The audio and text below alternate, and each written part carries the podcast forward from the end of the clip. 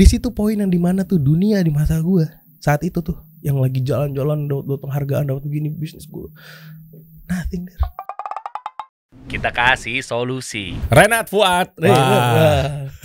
Renat ini nanti eh, luar biasa kisahnya nih guys. Jadi eh, dia ngebangun perusahaan udah sampai gue gue sebut ya Hmm. miliaran Masya Allah, revenue Masya Allah. omsetnya masya Allah Omset, gitu ya. omset, omset. omset omset nah tapi ujung-ujungnya malah ada satu momen yang lo hempaskan begitu aja padahal lagi orderan lagi rame-ramenya di catering lo iya iya kan iya sampai akhirnya eh ya apa tujuan lo dengan ramenya order biasanya kalau kita UMKM kan wah lagi senang-senangnya nih Hmm. nah ditambah lagi kan memulai itu kan nggak semudah itu ya Hmm. lo juga ngebangun dari nol lo nyapu di pabrik iya wah iya kan iya benar benar Nah, sampai akhirnya lo bangun juga kasih solusi bareng sama gue nih. Yo. Masya Allah Masya Allah Masya Allah Dulu deh nih di awal-awal podcast guys ya di episode Renat ada. Sekarang kita kupas lebih dalam Ya, lagi. dulu kan nih. ngetes eh, ini studio udah layak belum ya coba kita tes yuk Iya. Sampai akhirnya sekarang pengen Masya tahu Allah, nih, Masya Allah. lu sendiri backgroundnya apa? Nah itu tuh. Gimana? Kita mulai dari zaman-zaman lo di Australia aja gimana? Iya dari eh, setelah kita pisah kan dulu kita di 82 Terus Hmm. kan gue lulus lu lulus duluan 2007 gue lulus 2008 Hmm. Nah itu tuh gue langsung berangkat ke Australia der Jadi ceritanya itu eh, bokap gue tuh meninggal di tahun 2006 Oke. 2006 bokap gue meninggal Kakak gue itu eh, saat itu tulang punggung di keluarga Oke. Saat itu ketika bokap gue meninggal Jadi singkat ceritanya Kakak gue di Australia saat itu kerja Mm-mm. Kakak gue kerja di Australia Terus dia bilang Nat, eh, Rain Dia bilang kayak gitu Gue panggil Rain kalau di keluarga Iya, iya. Di sini doang Nat ya. Heeh. Hmm. Ren eh, berangkat ke Australia gitu, diberangkatin dimodalin sama kakak gue buat berangkat, dibayarin kuliah di awalnya. Tapi di sana gue mesti kerja dan kuliah buat bayar. Eh jadi gue kerja tuh buat bayar kuliah gue. Karena Saat bokap itu. lo nggak udah nggak ada. Karena bokap gue udah gak ada, gue jadi harus eh, berusaha juga kan buat kuliah, bayar sendiri, hidup dan lain-lain, saling ngebantu nih keluarga nih saat Hmm. itu gitu. Hmm. Terus ya udah, akhirnya gue berangkat lah ke Australia saat itu. Oke. Gue berangkat ke Australia. Memang masya Allah ya di hidup gue saat itu Allah mudahin banget. Hmm. Gue baru berangkat, baru nyampe di Australia saat itu hari pertama Hmm. gue masih hahihi baru datang Oke. masih baru penyesuaian nih wah segala macam luar biasa der gue nggak menyarankan kita tinggal di negeri-negeri seperti itu Heeh. tapi di Indonesia juga sama sih Kenapa? itu ya Allah Kenapa sih? Pergaulan bebas. fitnahnya banyak bro Oh perempuan. Iya. Iya. gue datang turun baru turun dari airport nih nih jodoh gue nih gue liat ini eh jodoh gue lagi nih Baunya langsung sayang sama semua ya.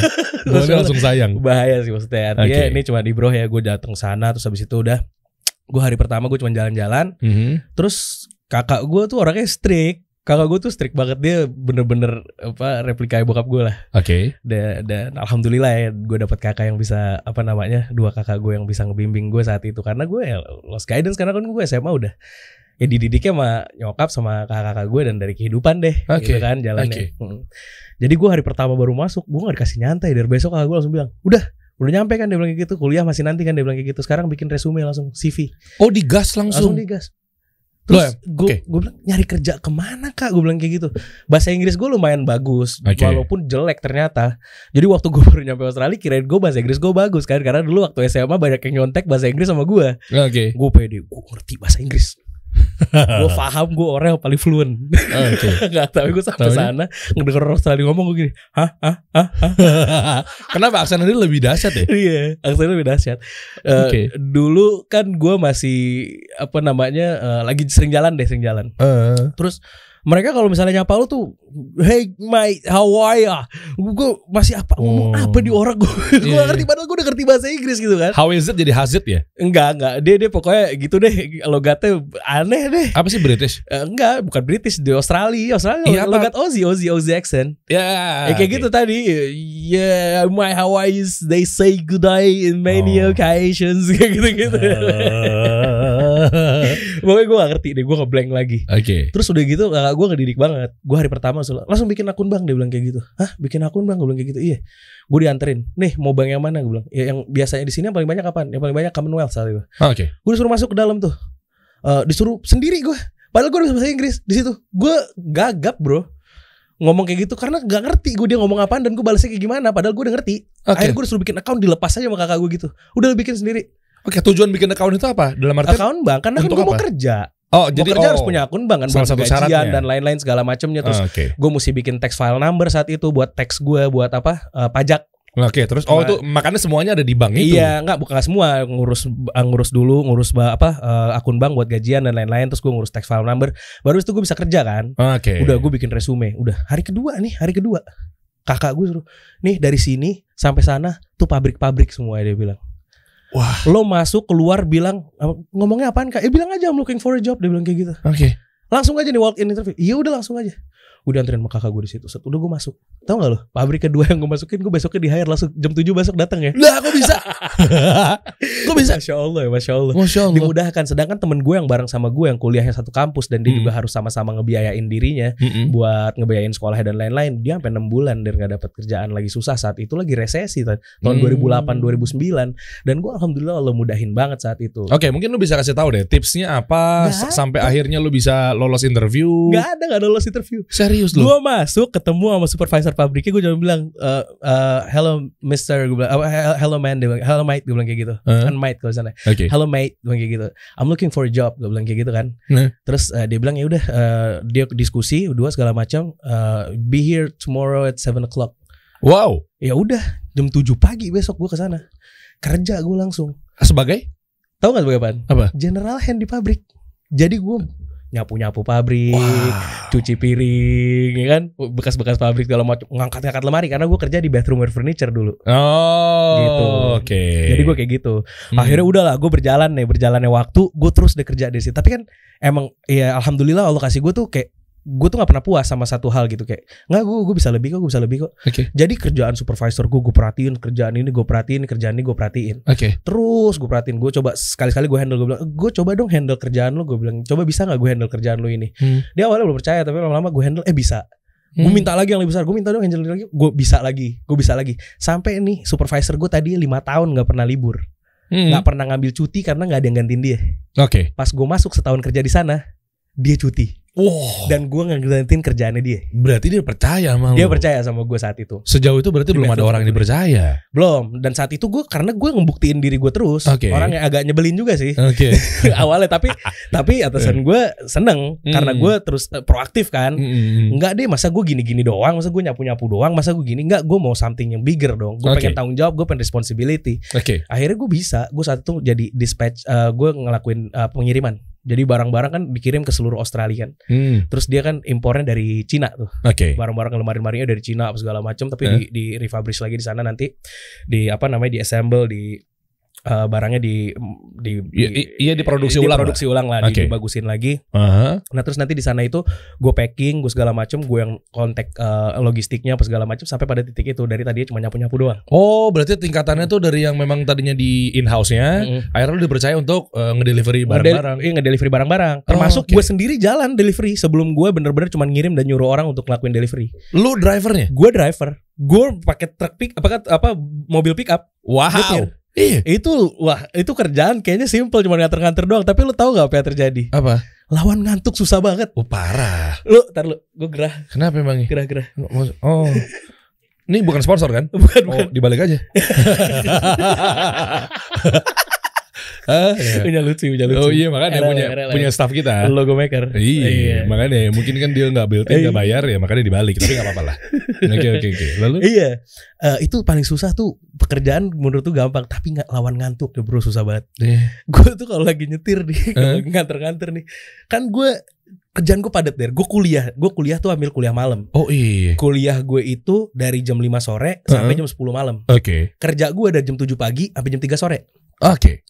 Jadi gue habis kerja nih jam 3 nih, gue baru pulang sampai rumah nih, ya kan? Hmm, hmm. Baru sampai rumah istirahat bentar segala macam. Gue udah mesti berangkat lagi ke kampus. Iya. Terus habis itu balik udah malam nyampe rumah bisa jam 11-an. Hah? itu gue belum bisa tidur dong langsung masa baru sampai tidur pasti gue makan dulu gue mandi Oke. dulu itu pagi gue udah subuh udah jalan lagi ke kantor Wah, ke, ke, ke, ke pabrik lagi men. dan itu gue harus nganter barang itu tiap hari gue lakuin sampai Jumat Oke, sebelum gue bahas mengenai kursnya berapa dan lu digaji berapa di sana. biasaan Iya, iya, iya, kan, iya kan? Sebelum Iya. kita bahas ke sana ya, eh, artinya di situ gue mau eh, spiritual dikit ya. Mm.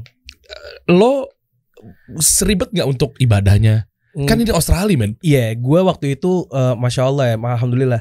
Eh gue sholat pertama, gue bingung kan, gue sholat di mana nih? Gue bilang kayak gitu kan. Eh, Akhirnya tuh kayak di tempat gudang-gudang gitu, eh, gue sholat.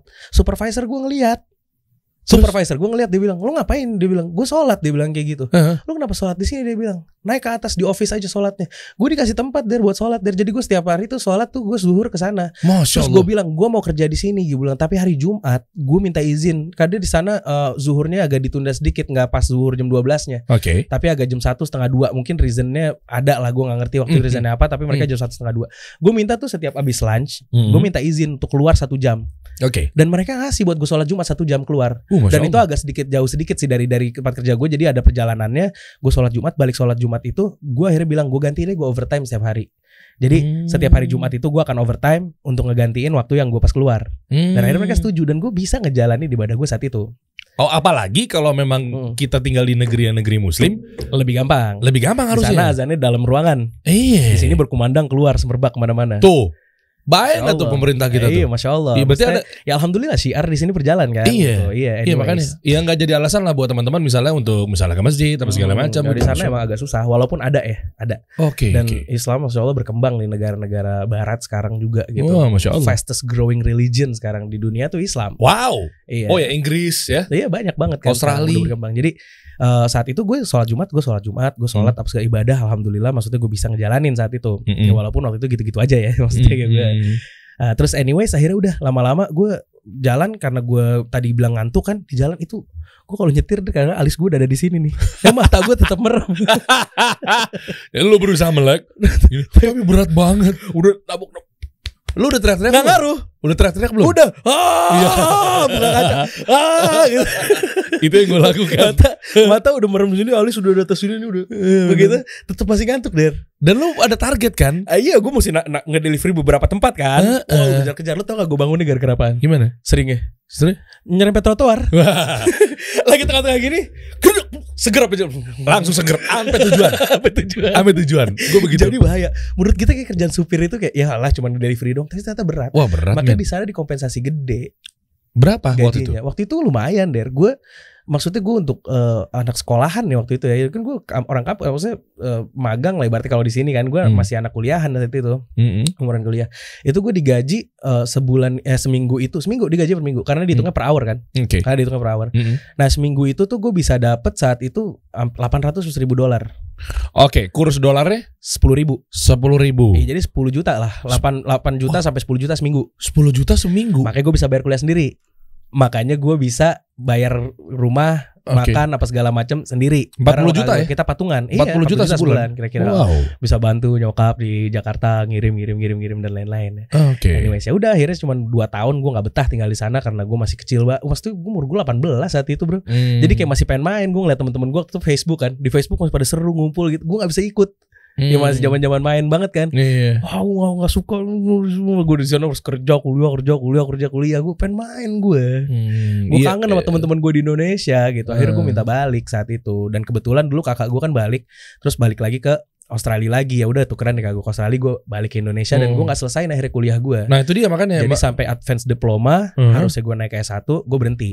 Ya, advance diploma. langsung for good balik ke Indonesia. Iya, gue megang duit kan saat itu kan tabungan banyak gue sekolah di binus. Ah, binus ah lanjutin gue ambil komunikasi. Ya enggak? Satu semester nggak betah keluar ah. Enak hidup Anda. Gue nggak tanggung jawab siapa-siapa. Oh, iya, bokap udah gak ada juga. Gue ya? udah gak ada kan. Maksudnya ya, ny- Oke. nyokap sama Aram tuh jangan ngasal-ngasal keluar masuk keluar masuk udah Hmm. tengah jalan. Ah, gue kuliah lagi ah binus online bayar uang pangkal. Habis itu? Satu dua semester keluar lagi. Anda kurang ajar ya. kan pakai duit sendiri tapi. Apa? Oh pakai duit Emang gue gak suka sama edukasi. Jadi gue ngebedain antara edukasi sama learning. Ah ini menarik. Hmm. Ini menarik. Apakah memang dengan jenjang edukasi lo yang Hmm. tinggi, Hmm. panjang itu Hmm. menjamin karir lo? Belum tentu. Kenapa? Karena menurut gue learning ya learning, education juga learning. Cuman mungkin Hmm. kalau lo ikut di education lo learning dari pengalaman orang yang udah dibentuk jadi kurikulum. Kan Yeah. itu kan berdasarkan riset-riset, pengalaman dan lain-lain segala macam Yeah. yang udah dikumpulin dibikin jadi satu sistem kurikulum yang lo Hmm. pelajarin. Tapi bukan berarti lo nggak learning kalau lo nggak kuliah Yes. atau lo nggak ikut institusi eh, edukasi itu. Hmm. Lo kan bisa learning dari mana aja, apalagi sekarang. E-course. Lo aja bikin e-course mulu, Nah, belajar, jago. ya. Masya Allah. Masya Allah, iya. Masya Allah. Banyak orang juga belajar bikin website, belajar bikin ini, belajar segala macam yang lo mau lakuin buat karir lo ada sekarang di Yeah. course course banyak kayak perusahaan-perusahaan baru yang mm, ngelakuin e-learning dan lain-lain kan banyak. Hmm. So, Anyway, ya udah gue nggak pernah betah kuliah. Tapi saat itu ya masya Allah hidup gue digampangin lagi sama Allah. Apa contoh selanjutnya? Contoh selanjutnya adalah Heeh. gue ngelamar-lamar kerja. Oh, di oke. Jakarta. Tapi lu masukin CV lu adalah lu pernah kuliah di Australia. Gue pernah kuliah di Australia, bahasa Inggris gue fluent dan lain-lain sebagainya. Oke. Gitu kan. Jurusannya apa waktu itu? Jurusan gue dulu eh, kuliah Nah, di Australia. business management. Oh, oke. Itu kepake di Indonesia. Eh, ke enggak. Aku udah tahu. Anak-anak kuliah Saya yang penting pas. Eh, iya, iya. 50% ke atas pas, saya pas. Disyaratkan tidak boleh absen dua eh, absen paling banyak dua kali. Ya itu dua kali saya gunakan untuk absen. Pokoknya gue lakuin yang wajib aja sampai gue dapat sertifikatnya gitu kan. Oke. Ya anyways akhirnya udah eh, gue di Jakarta, gue mulai cari kerja, mau Hmm. cari kerja. Gue nyari kerja di radio loh. Gue pernah interview di Os Radio dulu. Di OS. Oh, Adri Danu. Ada. Lu tahu host insert in Trans TV salah satunya itu dia tuh. Gue lupa, gue apa aja waktu itu kan teman-teman gue banyak di situ, ada Hmm. yang di radio, ada yang segala macam. Terus ya ini ada lagi nyari kerjaan kerjaan gue masuk segala macam. Interview gue, Terus berapa gajinya? Eh, Dua juta. Gue mundur. lu apply apaan? 2 juta. Ah, Waktu itu apa? Pro, produk Produser. produser ya. Kreatif kreatif. Megang program on air. Program. Iya, terus Mm-mm. habis itu udah gua gak jadi. Terus gue pernah ada lagi casting, casting, casting buat acara TV show bola, apa Wih. presenter bola.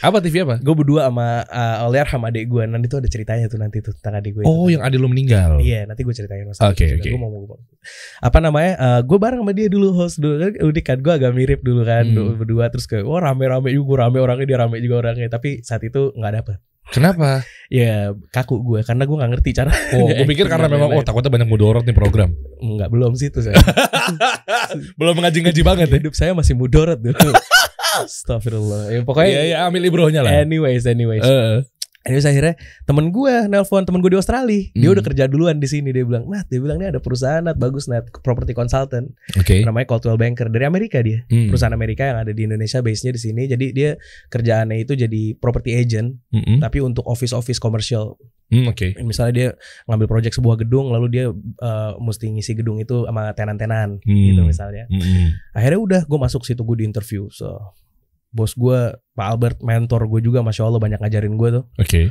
interview gue pakai bahasa Inggris. Mungkin dia suka oh bahasa Inggrisnya fluent ya udah akhirnya gue di hire gue Oke. di hire gue banyak banget diajarin sama dia etika kerja dan lain karena gue orangnya kan wah dulu der Apa? gayanya kayak rapper banget begitu gitu aja Oh gitu. Selangean. minta tampar kalau gue Oh. kalau gue bisa ketemu gue tampar dulu ini gue sentil ngapain sih lu gitu iya, iya. iya Tapi lu mau belajar juga pasti kan? mau belajar Iya. gue dididik banget di situ sama dia Hmm. segala macam tapi seperti emang saya tidak betah ya saya tidak Hmm. betah dengan otoritas Iya, kan itu kan tergantung SOP-nya si perusahaan Iya, ya, Nat. lalu saya hanya tujuh bulan bekerja di sana saya keluar Gara-gara lu gak mau taat SOP. gara-gara gue gak mau taat SOP Kalau lu mau taat SOP atau mau longgar, Nggak lu mau bikin perusahaan sendiri. itu dia makanya gue buka sendiri dan lu lu tahu gue pernah nih ada cerita gimana gue rebelnya sama SOP dulu dan Kenapa? sekarang kalau lu ada yang rebel sama SOP nih kasih solusi nih gue Hmm. jewer-jewer Dulunya lu gitu, dulu gue gitu jadi gue pernah dulu kerja ketika jadi property agent Heeh. gue baru dua bulan gue masih rookie dan gue belum pernah ada di dunia properti sama sekali Oke. bos gue lagi cuti Hmm. dikasih Renat nih ada klien dia bilang kayak gitu lu Hmm. pitching orang Cina dari China dari China dari Oke. China Eh, dari Hmm. China benar-benar dari China nggak bisa bahasa Inggrisnya begitu deh Hmm. akhirnya sampai ada interpreter bahasa Cina juga di situ tapi Oh. kadang-kadang gue bisa ngomong langsung bahasa Inggris juga sama dia dia ngerti Oke. namanya Wow. Deh, ini ini enam orang nih, jangan tawa nih. Enggak, enggak, enggak. Gue lagi Iya kan gua bilang. gitu. Gue lagi ngomong, gue inget gue gue Hmm. ketemu sama dia. Terus habis itu gue kasih dia satu perusahaan, eh satu gedung. Oh, Ini oke. gedung ini cocok buat lu. Gue datang ke enam gedung sama dia satu hari. Siapa? Sama Karena lebih ke Sunda namanya ya. Enggak, dem dulu dengerin. Iya. Jadi gue bilang nih ada enam nih, gue bilang ada enam ada enam gedung yang gue propose ke lu nih. Gue bilang Hmm. akhirnya kita keliling tuh. Wah kita bareng naik mobil, datang lihat survei ke sini, survei ke sini, survei. Apa ada satu gedung yang mau? Oke. Gue gak sama supervisor, gue sendiri. Padahal gue baru dua bulan dan gue nge-handle klien yang gede. Maksudnya gue langsung sama CEO-nya nih saat itu. Wow. gue sama CEO-nya langsung udah emang dasar gue uh, gede bagger dulu kayak kayak tronton nah, semua gue tabrak Oke. bawaannya dulu Eh, eh, terus sebelum gue rapi jadi eh, tuh hari udah mau deal dia udah suka nih dia udah suka segala macam. Eh? terus eh, dia nanya gue mau eh, sign agreement dia bilang kayak gitu. Hari apa? Hari Kamis. Wah closing nih gue rekor nih gue nih baru dua bulan udah closing nih. Eh. belum ada nih kayak gue nih dua bulan udah closing nih. Masih tahap belajar udah closing. Oke. Seneng dong gue dong Eh. Udah. Habis itu Gue telepon marketingnya dia bilang Mbak hari Kamis bisa nggak sign agreement Dia bilang kayak gitu Ya nggak bisa Ibu direktur yang punya gedungnya nih Eh. ah, nggak ada hari itu Dia bilang gitu Udahlah wakilin aja sama manajer hey, Anda harus taat SOP. Diwakilin wakilin aja. Udah Eh. Udah gitu Ternyata gedung yang gue ini belum ada kerjasama perusahaan gue, Oke. ya kan? Oke. Ya udah, ini kan harus tanda tangan MOU dulu biar ini. Ya, ntar nggak jadi closing gue bilang gini, udah MOU gue yang tanda tangan. Padahal masih direktur perusahaan. Dia nanya marketingnya nanya, emang bener nih eh, Pak boleh kayak gini dia bilang gitu. Nggak apa-apa, nggak apa-apa. Yang penting udah di- deal, udah deal. Saya bilangin. tanda tangan tanda tangan lo lagi. Sales katro. Gak ada profesionalnya asli. Nggak ada udah der. Oke. Eh nggak taunya pas udah dateng nih si CEO-nya Hmm. ngelihat cuman dealing sama marketing. Egonya keluar dong. Oke. Bilang kayak gitu. Dia marah. Gue datang-datang telat lagi gue. Oke. Gue telat pas datang tiba-tiba, wah gue lagi seneng nih deal gue, wah deal udah rapi. Terus gue liat, ini orang kenapa mukanya sangar banget ya? Hah? Tiba-tiba gue panggil marketingnya nih waktu itu. Nah eh, ada lah marketingnya. Mbak Mbak sini, kenapa dia? Marah. Lu nggak kasih tahu kalau si ibu direkturnya nggak bisa datang? Gak bisa dia marah. Dia mau datang ke direktur yang udah pakai jas segala macam dari tadi ngomong maksudnya. Nih orang gue udah pengen tanda kok gue cuman dealing sama lu doang semua gitu kayak ngerasa Oh. nggak dihormatin. Padahal Oh, emang oke. dari awal gedung pihak gedung udah bilang nggak bisa datang hari itu. Ya nekat. Lu semua gara-gara ulah lu. nggak SOP kan? Iya. Lagi-lagi. Udah, wah damage control, damage control. Gue harus tetap closing nih, rekor nih, rekor nih di otak gue kayak gitu kan. Akhirnya gue bilang gini, eh sir, gue bilang kayak gitu, let's go downstairs and have some coffee. Gue bilang kayak gitu kan. Dia bilang, kopi, dia bilang kayak gitu. Kalau Oh. gue translate, pala gue lagi boiling kayak gini, lo suruh gue minum kopi. Dia bilang kayak gitu. Ya udah gue bilang, "Oh, you can order whatever you like. Gue bilang kayak gitu. Apa Hah? aja yang lu mau, lu order. Gue bilang kayak gitu. Ya udah, Coca Cola. Lah mati gue kafein juga pak. Sama. gue pesen Sama. Coca Cola. Iya iya. Iya. Dia minum Coca-Cola. Lihat minum Coca-Cola. Gue gue sok-sok kayak gini gue. Eh, Gue klien lo, lu klien gue, gue bilang gitu. Oke.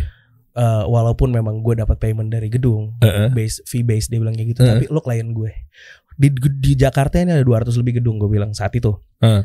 Kalau lu mau datengin satu persatu, gue bakal temenin lo. Tapi lu udah suka gedung ini, gue bilang kayak gitu. Iya. Terus gue malah bawa-bawa di Indonesia emang kayak gini kadang-kadang suka nggak profesional. Padahal gue gak profesional. Lu menyamaratakan semuanya. Belum tentu. Padahal gue gak profesional deh. Eh. di Indonesia nih emang banyak nggak profesional gitu, tapi ya udah uh, in order to sukses lu seorang CEO besar gue bilang gitu lu tahu dong kalau you have to act local Eh. and think global lu boleh Eh. aja think global mungkin di luar kayak gitu tapi di Indonesia begini udah daripada kita capek keliling lagi gedung kayak kemarin Eh. udah gue kasih solusi deh buat lu kasih solusi jadi gue udah udah kasih solusi Dan dia udah nonton potensi dari dulu. udah udah belum ada Belum ada. Terus gue bilang sama dia, eh, eh Mister gini, ya udah, lu kan masalah lu sekarang nih direktur nggak datang, padahal lu udah datang ke sini. Oke. lu gue anterin sekarang ke hotel lu karena lu klien gue, gue bilang. Oh. Besok gue sebagai konsultan lu, gue bilang, Heeh. gue akan bawa kontrak ini ke kantor dia, dia tanda tangan di kantornya. Abis itu gue anterin kontrak yang ditandatangan di kantornya di hotel lu. Oh nekat banget lu udah ngejanjin begitu. Gue bilang kayak gitu. Dan belum terrealisasi kan? Ego kan masalahnya di ego kan. Eh, iya. Dia bilang ya udah kalau kayak gitu gue mau. Mau dia. Akhirnya nunggu di hotel dan itu yang gue kerjain. Gue datang ke kantornya segala macam ditanda tangan, Oke. direkturnya gue ambil lagi list agreementnya. Oke. Gue datang ke hotelnya dia tanda tangan di situ di tempat yang terpisah. Gue bilang tuh gue tunjukin gimana kinerja gue kalau gue bilang kayak gitu. Oke. Udah sampai kantor dimarahin. Renat, kamu tanda tangan MOU sendiri ya kata. Udah ada strukturnya. Itu perusahaan udah ISO. Udahlah. Udah ISO. Perusahaan multinasional. dan Perusahaan multinasional, ISO, operationnya di otak atik sama dia. Tuh gue bilang tapi gue deal lumayan dong gue bawa revenue gitu. Ya nggak apa tapi lain kali kamu jangan gitu lagi soal bawa duit. Coba nggak bawa duit. Nah, habis lu. Selesai. Selesai. Dibalikin lo ke Australia. Iya. Udah akhirnya anyways di situ lah gue ngeliat ah, kayak gue nggak bisa nih kerja sama otoritas. Maksudnya Hmm. eh, gue harus yang bikin SOP-nya nih. Gue ngeliat kayak gitu terus akhirnya gue ya udah mulai males-malesan kerja kayak gitu. Hmm. tapi gue belajar der, gue belajar manufacture, ba- belajar bagaimana proses produksi itu di pabrik waktu gue kerja dulu. Oke. dari mulai produksi sampai ke pengiriman. Tuh gue Hmm. belajar dari stock take, gimana caranya kita ngambil stok dan lain-lain. Hmm. Kalau udah mau menipis segala macam, fast movingnya, slow moving, medium moving. Jadi mana barang yang keluarnya cepet, yang lo harus stok lebih banyak lagi dan lebih cepat lagi. Mana yang medium moving, yang kalau seandainya dia agak lama, berarti lo stoknya nggak boleh banyak supaya duit lo nggak. Itu tuh gue belajar di sana. Hmm. Ya kan, bagaimana proses produksi dari awal dari order material sampai kepada finish good, dari finish goods di packaging sampai dikirim dan sampai itu gue belajar di sana. Artinya kepakainya di sini buat apa? Nanti akan Oh, ada oke. akan ada relate-nya di sini gue belajar. Jadi emang gue dari dulu niatnya gue pengen punya something. Nah, ini ini cocok punya nih. something big. Dan lo tau nggak kenapa gue diterima waktu itu di interview? Kenapa? Waktu gue di interview ditanya, kenapa lo milihnya? Ini kan ada dua pilihan. Hmm. Lo mau di residential, jadi agent di residential, apa di office commercial? Dia bilang gitu. Hmm. Gue mau di commercial. Kenapa? Karena gue suka buildings. Gue bilang gitu. Hmm. Oke. Oh ya, lo suka building saja. Iya. Dan ada satu lagi gue bilang. Gue bilang karena one day I will own one of those buildings gue bilang kayak gitu. Gue Hmm. bakal punya salah satu gedung kayak gini mimpi berangan-angan. Iya. boleh dong berangan-angan. Boleh. Ya Allah Allah kabulkan kan kalau misalnya Hmm, emang hmm, itu baik buat kita. Gue bilang gitu. Kata bos gue apa dream is good dia bilang. Oke. dan gue di hire gara-gara itu salah satu selain bahasa Inggris gue bagus dan mental gue dia bilang "Eh, sales kan agak harus punya skill manipulatif ya dan kamu manipulatif. Gue gitu gue bilang gitu. Iya memang memang. Ada bluffing, ada manipulatif. Iya. ya. terus udah kan. Terus eh, akhirnya udah eh, gue mau resign Hmm. gue mau resign gue ngomong sama bos gue gue mau resign. Gue bilang kayak gitu. Terus waktu itu gue belum nikah. Hmm. gue belum nikah Eh, kata bos gue kamu kenapa Renat resign? Dia bilang kayak gitu. Karena kan kalau mau resign ini kan kamu mau nikah sebentar lagi. Kalau kamu udah kerja di sini kamu kok save bulanan kamu? Kamu dapat gaji tetap di sini juga ada bonus dan lain-lain segala macam. Kamu tuh bakal butuh buat nafkahin istri kamu dan anak-anak keluarga kamu nanti dia bilang kayak gitu. Tau gak jawaban gue Van? Apa? kalau ini beneran ya Allah alhamdulillah ya gue bisa dapat. Gue, gue bilang kayak gini. Kalau seandainya saya pak kerja di sini gue bilang iya benar keluarga saya safe dia bilang tapi kalau saya punya usaha dan usaha saya berhasil bisa mempekerjakan banyak orang berapa kalau kepala keluarga yang bisa saya save saat itu pak insya Allah gue bilang Masya Allah. oh, ah, udah akhirnya udah Ush. cabut gue Semudah itu tuh ya. semudah itu gue Karena dia tahu goals lo. gue tau goals gue gue mau bikin Iya. usaha di sinilah Lezetli lahir di tahun 2012 Oke. nyokap gue curhat sama gue Kenapa? Mami pengen usaha Hmm. Gue bilang mami mau usaha apaan? Kayaknya eh, teman-teman mami yang pada maksudnya eh, punya toko baju apa segala macam bagus deh. Mami kayak pengen ambil toko di Tanah Abang, terus kita ntar produksi baju kita jualan baju. Gue bilang mami tapi nggak nggak nggak nggak expertise di dunia fashion. Gue bilang kayak gitu kan. Maksudnya fashion ini kan terus berkembang, mesti ngikutin mode Iya. segala macam. Aha. Sedangkan mami kan nggak ke situ. Gue bilang mami tuh jago masak tau. Gue bilang kayak gitu. Oke. Akhirnya udah nyokap gue juga apa namanya eh, punya ide. Oh iya udah kita bikin aja masak kue segala macam. Bikin kue kue dulu bakery.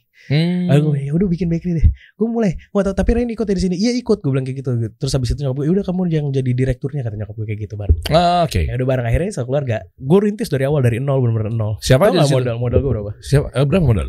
25 juta bro. 25, 25 juta, juta. untuk buat kue. Apa aja yang lo? Beli oven dan lain-lain. Terus uh, packaging. Kenapa langsung nekat beli oven? Kenapa nggak lo langsung kayak ngambil dari pasar Senen? Enggak. Kenapa? Produksi karena nyokap gue punya kue yang enak-enak banget der. Ah. Kenapa gue harus beli dari orang? Justru ini yang mau gue produksi nanti buat dijualin ke sana kemari. Enggak, tadi kan gue pikir kan lo mau save di awal-awal biar nggak spendnya terlalu banyak. gue bahkan awal tuh ya kalau dibilang ngelihat market mana sih yang seksi kita ngeliat dulu marketnya maunya yang mana kan Hmm. itu gue ngeliat tuh kalau harvest kayak gini wah modalnya gede gue ngitung apa segala macam tapi kue kuenya begini kalau gue ngikutin polanya ini apa segala macam pokoknya gue ngeliat yang mana yang menguntungkan akhirnya gue gue punya cake punya gue nggak pakai nis general aja udah nggak ngerti dulu dulu Iya. pokoknya gue punya cake gue punya cookies gue punya model yang kue kue basah tradisional Hmm. nah ternyata yang jalan ketika gue jalanin kue tradisionalnya der Karena memang demandnya tinggi di sini. demandnya tinggi di sini pertama Hmm, yang kedua saat itu tuh emang kayak Allah jalanin ya. Maksudnya eh kalau Allah mau bantu Allah bantu gitu. Oke. mudah deh jadi nyokap gue tuh lagi adik gue tuh lagi les di stan.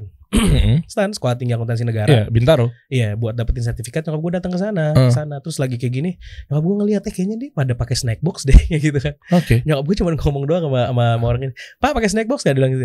Pakai gitu segala macam. Saya kirimin ya price saya, saya punya bisnis snack loh dia bilang kayak gitu dan kayak gitu doang. Dan masya allah dari stan ternyata banyak banget waktu itu ordernya. Dan sekali order cash bayarnya. Oh, nggak pakai tempo. nggak pakai tempo. Oh, Oke. nggak pakai tempo. Gue dikasih cash tiap hari pulang. So baru pertama kali nih. Gue balik ke Indonesia. Set sekali ngantor sehari tuh pulang buat 3 juta. Gue ngeliat gue bercandain tante gue kan bertiga sama tante gue tante Eh. gue tante gue eh, ngantuk abis bikin abis bikin kue malamnya kan. Eh. pagi gue nganter delivery. Eh. nyokap gue sama tante gue tidur gue datang set. Gue ketok kamar tek tek tek tek gue gini tante gue cekrek cekrek cekrek Iya.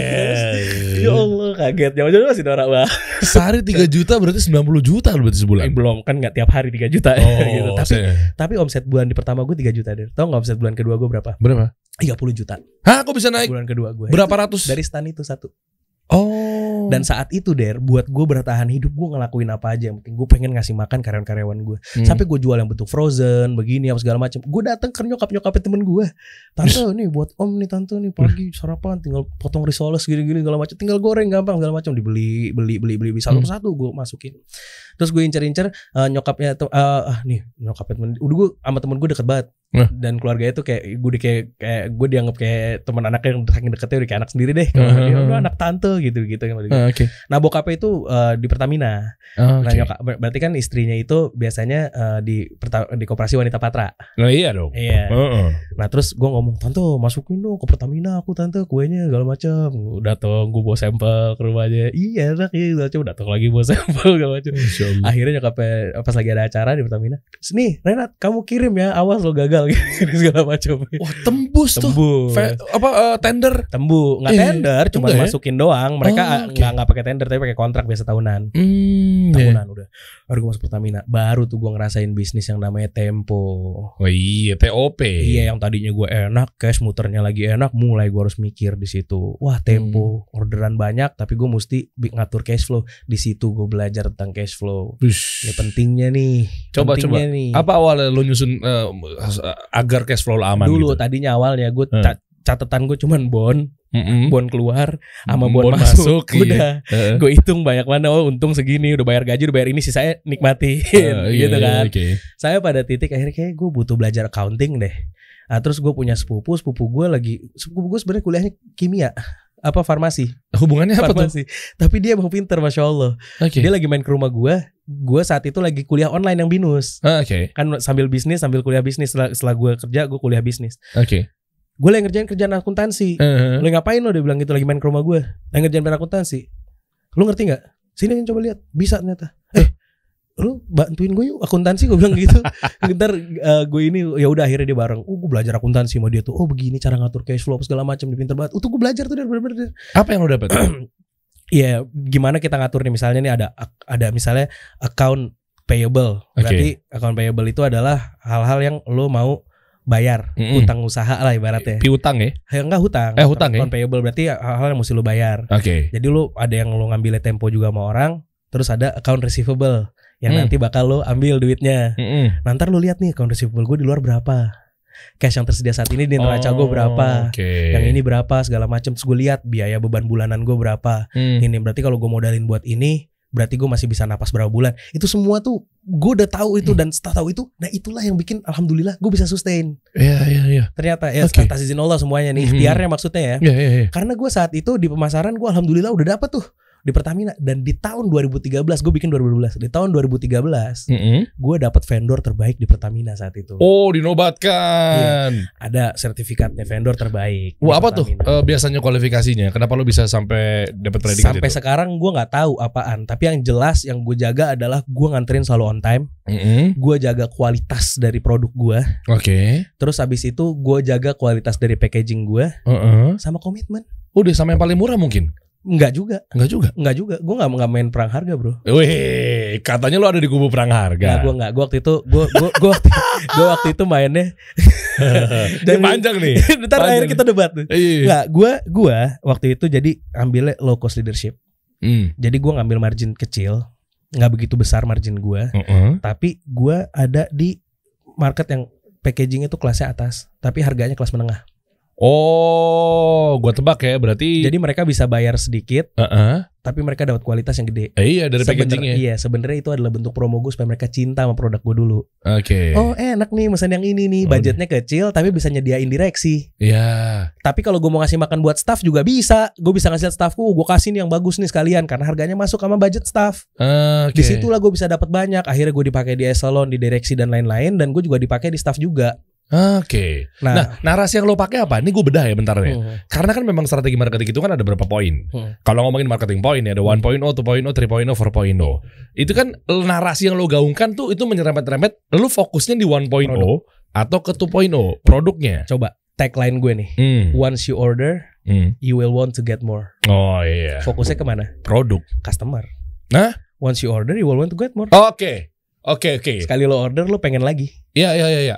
Berarti lo fokusnya ngangkat ke customernya dengan bilang bahwa kalau dengan seperti ini bisa dijajarin ke direksi. Iya, customer. enggak enggak Iya dong. customer artinya kayak lo kalau pesen ini lo pengen lagi Iya, oke, tapi Berarti kan, lo behavior kan. Iya, behavior satu dan dan lu juga mengangkat narasi ketika ada di produk lo itu lo bisa ngejajin ke direksi. sebenarnya nggak kayak gitu juga sih der Hmm. karena sekarang gini gue nggak pakai strategi itu karena gue mainnya B2B Oke. Di B2B itu yang gue butuhkan adalah portofolio. Tapi kan tetap lo gimana caranya lolos sama si Harga, kualitas, ngasih Hmm. sampel. Semudah itu kalau B2B bro. Iya iya. Maksud iya. gue Iya. ya semuanya atas izin Allah lagi ya, balik Hmm. lagi ya, lu Hmm. masuk. Orang bilang harus kenal orang dalam, enggak kok lu harus tahu aja ke divisi mana. harus ke divisi mana. Tapi kan lo awalnya pakai orang dalam. Oh iya bener. Tante lo kan? iya nyokap temen gue. Iya temen nyok nyokapnya Iya. temen lo kan? Ya tapi kan itu satu perusahaan. Nah, berarti kebantah. Perusahaan, perusahaan yang lain kan gue nggak pakai. Stigmanya berarti bantah kalau Perusahaan yang masuk. lain kan gue nggak pakai. Satu itu Iya, doang. Satu itu doang. Dan itu juga gue buktiin dong spek gue masuk. ya. Kue gue kualitasnya bagus, harganya masuk. Banyak orang berpikir bahwa ketika dia eh, ke BUMN ya udah gue pakai orang dalam tapi dia nggak maintain produknya, Enggak, dia nggak maintain ini strategi. Sama aja, apalagi di Hmm. sana juga kan banyak banget yang mau masuk kan ke sana, jadi persaingannya tuh besar gitu kan. Ya ya ya. Ya anyway sudahlah gue jalanin tuh usaha sampai di tahun 2018. Hmm. 2018 itu gue bikin dua outlet, satu di Cyber 2 Kuningan dan satu lagi di Menara Jam Sostek. Kok bisa secepat itu ya? Dua tahun nih? Enggak dua tahun dong 2012 ke 2018. Eh, kok dua tahun sih? Sorry sorry sorry. Berapa tuh? Karena sebelumnya tuh dari 2012 sampai 2018 6 tahun itu tuh gue nyaman dengan penjualan B2B gue. Karena Oke. udah banyak kan ordernya kan. Hmm. Maksudnya omset gue udah bagus, perusahaan gue udah berkembang terus. Hmm. Sampai akhirnya ada satu temen gue nelfon nanya, Nat gimana Nat mau dikembangin sebesar apa lu nanti? Gue bilang kayak gitu, butuh modal apa enggak? Iya boleh-boleh aja sih, gue butuh nggak butuh. Kalau misalnya dibilang butuh, gue mau gedein bisa, marketnya ada. Kalau misalnya gue nggak dikasih pun, ya gue masih bisa jalan dengan bootstrap. Gue bilang kayak gitu. Maksudnya dengan Hmm. dengan apa yang gue jalanin sekarang, gue udah making money. Terus Ya udah dia bilang, ya udah gue ada nih ketemuan segala macam, udah cair duit. Bas, gue dapet investment pertama gue berapa? 1 m. Wow. 1 m. Tapi kan omset gue juga sebulan hampir segitu. Saat Oh. itu gue Iya, gedein iya. lagi jalan-jalan jalan. Itu yang mana? Yang lo ketipu itu? Eh, anda suka ini ya, Hah? suka mungkin luka masih sakit. Tadi kan sengaja gue potong karena memang ada satu M itu lu unsurnya itu keuntungan ujungnya atau Mm. kebuntungan itu yang gue mau gali. Oke, boleh boleh boleh boleh. Satu miliar masuk Ah, duit. mm. Oke. Jalan, gue buka outlet dua biji. Oke. Oke, gue buka outlet dua biji, terus sisanya ya udah gue jalanin apa yang udah biasa gue jalanin. Hmm. Kenapa gue milihnya waktu itu office di kantor karena emang kan target market gue kan perkantoran kan. Oke. Jadi dan gue nyari tempat di tengah supaya apaan? Karena emang pemerintahan BUMN itu kan Hmm. market gue kan B2G kebanyakan kan business to government kan Mm, Oke. dan juga kebanyakan ke swasta juga. Oke Jadi- makanya. Oke. Jadi B2B deh pakai intinya B2B sama Huh? B2G gue jalanin. Uh-huh. Jadi gue taruh di tengah. Di Cyber 2 Kuningan itu. Cyber 2 Kuningan karena Oh, tengah banget kan. Gue ke kan- Sudirman deket, gue ke Hmm. Tamrin deket, gue ke Istana Negara deket karena gue masuk juga di istana alhamdulillah. Yang di tikungan itu bukan sih yang mau ke Kokas juga? Iya Tikungan. iya iya kan? benar ya di pinggir situ tuh. Flyover situ kan? Iya flyover bener di situ. Kuningan City dan lain-lain. Iya. Hmm. Ya udah akhir lah jalan apa segala macam sampai 2019. 2019 ya udah gantian gue eh, yang invest ke dia Oh. Raib. Guys, ternyata di balik ini semua orang yang sama. Mm, mm, ya udah deh ah. Enggak, enggak, bukan, bukan, bukan, bukan, bukan, bukan. Ini pelajarannya ini, pelajarannya. Uh, lu pertama disuntik dana sama dia. Mm, Orang yang sama dong. Yang sama. Si A nih. Mm. Gue nggak bilang inisialnya A ya, Hmm. tapi maksudnya si A. Contohnya. Mm. Gue gak tahu tuh duit siapa tuh.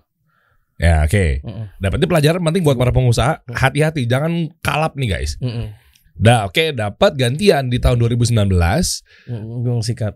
Lo yang ngasih satu miliar ke dia. Nggak nyampe sih, tapi waktu itu kalau dijumlahin lebih mungkin. Oke. Karena ada beberapa uang yang gue pinjemin juga dari Orang-orang. cash flow. Oke, cash flow. Oke. Eh, bisnisnya apa? Produknya? Hmm, udah deh, nggak usah dibahas itu. Pokoknya intinya Ya. uang itu raib. Gue udah pernah nyeritain, gue udah pernah nyeritain. Iya, iya, iya. Nonton aja di monolog gue ada tuh yang tentang bi- binomo di Oh. belakangnya udah gue ceritain tentang Bukan, bagaimana gue ketipu. Bukan, bukan, bukan. Lo jangan bahas binomo sama NFT dulu. Enggak, enggak, enggak. sama kripto. Hmm. Tapi maksudnya gini, eh, bisnisnya apa? Ini banyak orang yang baru join mungkin nggak tahu Hmm. bisnisnya apa. Ini ini pelajaran penting loh guys. Iya. Hati-hati ya terhadap penipuan-penipuan. Iya saat itu percaya sih Apa bisnis eh, produknya apa? Bisnis model apa? PO. Ah, Jadi trading, tra- Iya. bukan trading trading itu ya. Maksudnya trading kan pedagang kan. iya. Dagang yang ini ada eh, sebuah eh, komoditas. Mm-mm. Dia bilang nih gue ada orderan dari satu perusahaan tertentu. Ini PO-nya. Tuh lu percaya bisnis PO-PO-an sih? Sahabat gue bos. Gua kenal nggak? Hmm, Gua kan cuma udah, udah, udah, udah. Terus udah kan? gue di sini posisi gua, positioning gua tuh sebagai host. Iya. Jadi gua nggak bilang bahwa dia mungkin tadinya pernah satu SMA mau gue juga. Gua nggak bahas itunya. Gue gak bahas itu. Ah, oke. Gue sayang sama dia padahal. Iya, ya oke. Ini sangat disayangkan begitu. Makanya ini edukasi buat teman-teman Iya. semua dari inspiratif dan menjadi Terus ya edukatif. udahlah. Akhirnya PO itu ya kita kan juga bukan orang yang baru kan di dunia Hmm. itu. Jadi gue ngelakuin due deal juga, due diligence. Dan lu gak ngecek kan Gue pasti kan? ngecek, gue cek bener. Ada nggak PO-nya? Ada. Yakin. Gak bodong, ada. Emang order itu ada. Untuk PO udah kelilingin ke berapa orang gue nggak tahu. Arah gue udah tahu. PO-nya itu pasti bisa juga. Der, ada der bisnis der. Eh, butuh Oke. satu M. Butuh satu M. Lu jangan bilang bilang siapa ya ini khusus spesial buat lu loh. Iya Gitu. elah. Gue PO-nya sama Gue kan? gak mau buka-buka ini ke yang lain-lain gitu. Eh, PO-nya sama kan? Iya. Nah, Abis itu ke Renat, selesai di sini ke Halid misalnya, Iya. abis itu ke Pak ini, ke Pak ini, Pak ini, Pak ini, Pak ini, ngumpulin duit banyak kan? dapat misalnya 50 miliar. Lebih waktu itu. Wow. Oh, Wow, Anda Itu hot topic tuh. Gue angkat ini hot sebenarnya. Wow. Anyways, udah udah udah Ya masa dikit lalu lagi, dikit terjadi. lagi, dikit lagi. Nah, Mm-mm. akhirnya itu begitu udah proven, Mm-mm. dia kan pola bisnisnya kan pasti kan pakai duit duit orang kan. Ponzi. Jadi keuntungan Ponzi. ambil dari sini begini-begini ya. Untuk dia bener bayar keuntungan apa segala macam terus habis itu bayar keuntungan lama-lama nggak ada lagi baru yang invest ya mulai lah tuh kegulung. Hmm. Anyways gitulah intinya eh, ada pengalaman itu pada diri gua dan gua baru sakit-sakitnya kayak gitu. Ya kan baru sakit-sakitnya nih ngerasain nih. Hmm. Udah deh bangkit lagi. Sekarang kita krisis cash flow karena duit kita raib. Hampir satu miliar guys. duit kita raib, kita krisis cash flow. Oke, tahun 2020 masuk. Ternyata di tahun 2020 bulan Januari, bulan Februari tinggi sales gue der. Wih, Wah ini tahun gue nih gue bilang. Masya Tapi gue mesti capek pembayarannya TOP. Eh. Saat itu gue punya sahabat. Sahabat Mm-mm. gue waktu itu kerja di tempat gue. Mm-mm. Dia mau nikah. Mm-mm. Mau nikah saat itu dia lagi sholat asar doanya sampai nangis der. Mush. Nungguin ya antara azan ikomah nih. Gue kan kalau misalnya ini di perusahaan gue kalau itu ya sholat dulu. Hmm. terus gue lagi duduk gue lihat oh dia udah duluan duduk di situ nangis gue kenapa ini orang Hmm. gue maksudnya kenapa ini anak gue bilang kayak gitu kan Hmm. udah akhirnya sholat asar segala macam duduk bareng gue ada masalah apaan gue bilang kayak gitu doa lu sampai kayak begitu maksudnya bukan gue bukan salah maksud gue Hmm. ya cerita cerita sama gue gitu kan ya bisa gue bantu segala macam dia bilang gue ini gue kan banyak diutangin maksudnya di, di luar di luar kan pada ngutang belum bayar bayar tuh saat itu tuh Oke. gue lagi pusing nih sama cash flow gue karena udah cash flow-nya kering habis itu Heeh. dan di luar sana juga lagi ja- bayarnya susah Oke. kan Oke. ketika bayarnya susah gue ngeliat wah, lagi doa kayak gitu gue kan nikahan gue weekend ini dia bilang gue Hmm. belum lunasin catering Wah. lu tau gak gue bilang apa sama dia Berapa? coba klien gue nangis kayak lu gue bilang oh duitnya cepet cair yang TOP yang saya yang nangis pembayaran termin Oh, gue mesti buka bisnis wedding nih catering gue. gue Oke. bilang catering di wedding nih lunas. Gue Eh. segala macem. Lu nggak lunasin, gak gue antar makanannya. Iya. Bisa kayak gitu. batal nikah lu mau masuk saya ajak orang yuk masuk yuk gue bikin forecastnya apa segala macam Hmm. perhitungannya segala taruh der duit der Ush. berapa 1,8 miliar 1,6 miliar catat guys artinya udah forecasting dilihat peluang bisnisnya oke Mhm. demandnya ada bagus gue punya temen Mm-mm. temen gue ini uh, salah satu member asosiasi wedding organizer se Indonesia oke menurut gue marketnya udah ada Uh-huh. B2B-nya enak sama WO Huh? B2B enak lagi sama gedung-gedung dia udah pada kenal wah ini ajib udah database gue banyak Iya. tinggal follow up insya Allah care taruh duit gitu. 1,6 m. Nggak tahu ada badai baru. Wah. Pandemi. Mantap. Yang bernama covid. Eh, wah. dua kali ke step gue habis ketipu. Aduh. tadi habis cash flow kering begitu ada ada sisa-sisa rempah narok lagi bikin bisnis baru Mm. pandemi. Yang atu catering disuruh WFA yang atu pesta nggak boleh. Wah, udah kering tuh sampai bekarat tuh keringnya tuh. gue gue saat itu udah gelap gue gue gelap. Oke. gue gelap. Nah, ini kalau ngomongin soal gelap, apakah memang ini segelap ketika proses terjadinya omset yang tinggi, Mm-mm. drastis? Oh. Ini fase-fase ini kayaknya harus lo bahas, Nat. Kenapa? Karena sebelum ke pandemi datang, Hmm. ada yang lebih gelap juga kan Iya. dari kehidupan lo. Nah, sampai dia minum biar kegelapan ini menjadi mencair kembali. jadi gini der Mm-mm. Sebelum pandemi dong ini kejadiannya. jauh kan itu tahun 2013 Nah, sebelum kita bahas pandemi Satu coba tahun. deh. dan itu bahkan tahun di mana tadi kalau lu inget gue dapat penghargaan Iya.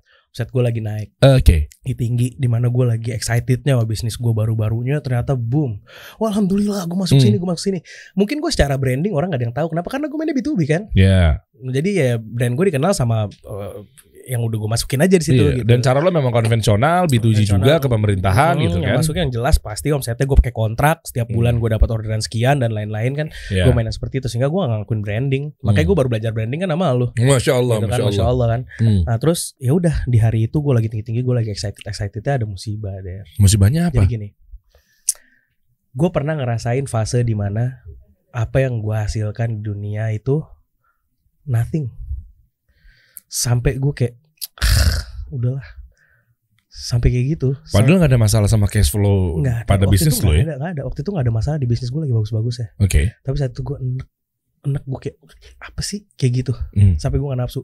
Klangkling klangkling bunyi segala macam tuh gue. Apa tuh orderan? Orderan, Oke. orderan kah, ngajak meeting kah, kolaborasi kah, apa segala macam. Gue bodoh. Oke. Lo kan tau kisah itu gimana. Jadi tahun 2013 itu gue punya adik.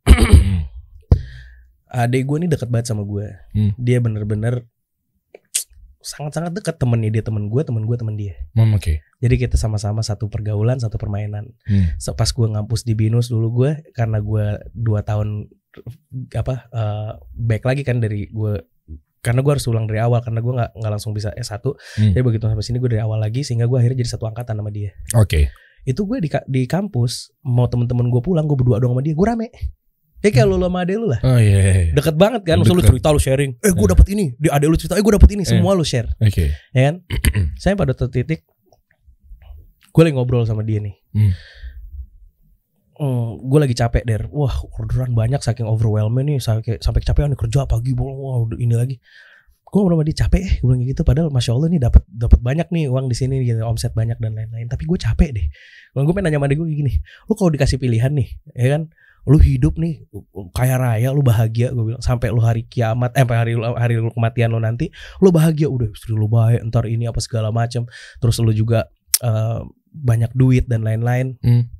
dan ujung-ujung ketika mati lu masuk surga Oke. sama satu pilihan lagi lu mati sekarang masuk surga lu milih yang mana Oh gue yang kedua tuh. adik gue langsung bilang gue mending mati sekarang masuk surga dia bilang kalau bisa pilih kayak gitu dia bilang Sama. kenapa lu pilih itu biasa deh kakak lagi ngobrol deh kan, Hmm. kan Hmm. sharing sharing bareng dia bilang iya lu capek Ren walaupun lu ini kan banyak batasan lu mau kayak gini nggak boleh lu mau kayak gini lu pagi mesti sholat subuh begini tetap Hmm. aja kan lu masuk surga lu mesti kayak gitu Iya. mau lo seneng kayak apa pun ada batasan-batasan gitu iya sih gue bilang kayak gitu udah lah gue berjalan udah saat itu gue udah ngaji duluan der gue Hmm. gue ngaji itu sekitar tahun 2011 2011 akhir lah gue ngaji Oke. dia belum dia masih main dan lain-lain sama dulu juga gitu ya Iya, iya betul.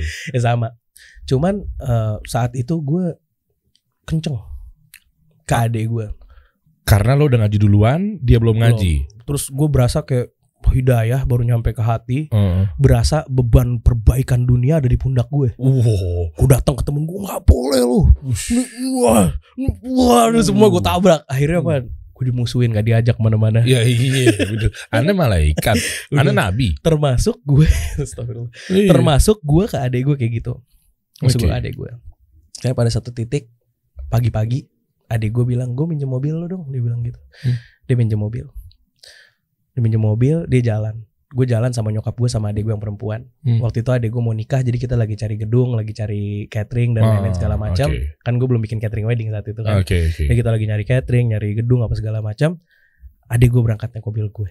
Pagi dia bilang gue mau pakai parfum lo dong. Dia bilang kayak gitu parfum lo enak gue habis parfum gue segala macam lo ya udah lo semprotin aja gue bilang gitu. Enggak enggak enggak ntar malam gue mau pakai jadi gue bawa parfum. Wah berantem adik kakak. Ya, oke lah. Yes, berantem berantem sayang lah. berantem berantem sayang. Heeh. udah kan? Udahlah di jalan akhirnya. Di jalan di tengah jalan lagi gue lagi nyari gedung nyari catering adik gue mau lanjut lagi mau nyari yang lain lah pernak pernik apa segala macam Hmm, hmm. gue bilang nyokap gue mah anterin eh, Rain ke Ganci deh gue bilang kayak gitu akhirnya gue di dropin di Ganci sama nyokap gue Gandara City Oke. dari City gue ketemu teman gue di sana Hmm. terus gue lain dulu masih lain chatnya lain Yo, lain lagi. gue lain adik gue Heeh. minta jemput karena Eh. mobil gue dibawa dia kan Oh. L gue manggil L hak namanya L L jemput gue dong ntar diganci. Bilang kayak gitu udah. Oke. baterai gue habis. Oke. sholat maghrib. Eh. gue ke musola. Oke. di cafe gue charge handphone gue sama Hmm. temen gue kelar udah nyala gue buka. Balasannya cuman Ren gue baru dapet doa mami. Gue merinding. Si Elhak nih. gue bilang gue minta jemput kok balasnya kayak gini? Nih anak apaan sih? Nggak jelas banget. Gue telepon. Nggak ngangkat. Gue telepon. Nggak aktif. Oke. Kenapa nih anak gue nunggu gue nunggu dijemput gimana nih gue bilang kayak gitu kan. Coba ulang narasinya, gue mau telah lu. Rain, gue baru dapet doa mami. Hah? Gue merinding. Em, bisa jadi mungkin nyokap lo sempet ngasih tahu dia bahwa yuk lu ngaji dong, jemput Ya, dong enggak. hidayah, mungkin enggak? Enggak sih maksudnya ya Apa itu biasa maksudnya? lah nasihat orang tua ke anak mungkin ya segala macam. Maksudnya udah deh main yang bener yang gini-gini sekarang kayak gitu lah.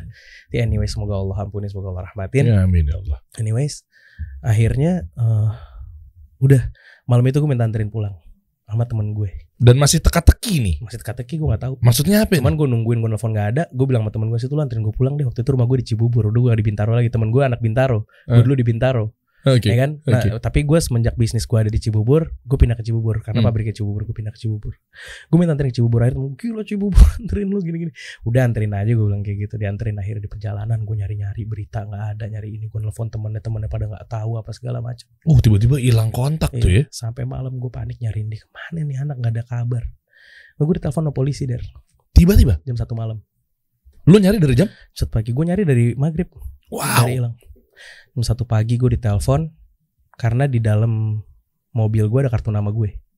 Oke. Ditelepon akhirnya gue sama polisi. Eh, Mas dia bilang kayak gitu. Iya pak. Eh, Ini dari mana ya? Ini dari kantor polisi Kapolsek di Apa Warung Jati. Oke. Pasar Minggu ya? Eh. Warung Jati maksud sih Bener ya? Eh, apa apa Tanjung Barat? Tanjung Barat. Sorry Tanjung Barat. Iya, Yang Pasar ada- Minggu iya, juga sih. iya pokoknya situlah dari Uh-huh. Tanjung Barat Tanjung Barat. Heeh. Tanjung Barat. Eh, ini mas mobilnya kecelakaan dia bilang kayak gitu. Yang pertama gue tanya penumpangnya eh yang nyetirnya gimana? Mas datang dulu deh ke sini dia bilang kayak gitu. Datang akhirnya gue datang ke sana. Gue ngeliat ah bener mobil gue gue bilang kayak gitu. Eh ada tas adik gue gue bilang kayak gitu. Ada di dalam nih anak nih gue lari. Pak yang nyupir mana pak? gue bilang kayak gitu. Sebentar saya jelasin dulu. Jadi mobil ini kecelakaan. Terus apa ya, eh, penumpangnya apa yang supirnya ini nggak bisa jalan mobilnya. Hmm.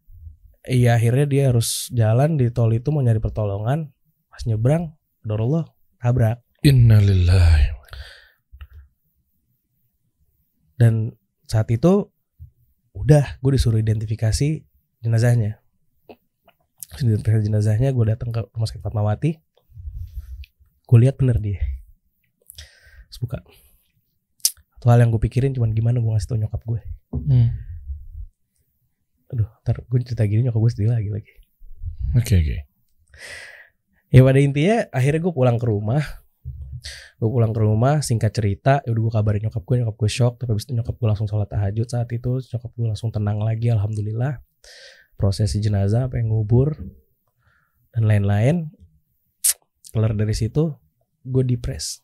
Oke. gue belum nangis tuh dari seharian dia masih shock Sorry, sorry kondisi-kondisi jenazah gimana adik lo? udah pokoknya intinya udah dibungkus apa segala macam Oh, oke. langsung dimandiin di sana apa langsung dikuburkan Oh, Oke, dan Iya. masih lu ngecek bahwa itu dipastikan bahwa bener adik lo dipastikan ya? bener adik gue Hmm, oke. pasti.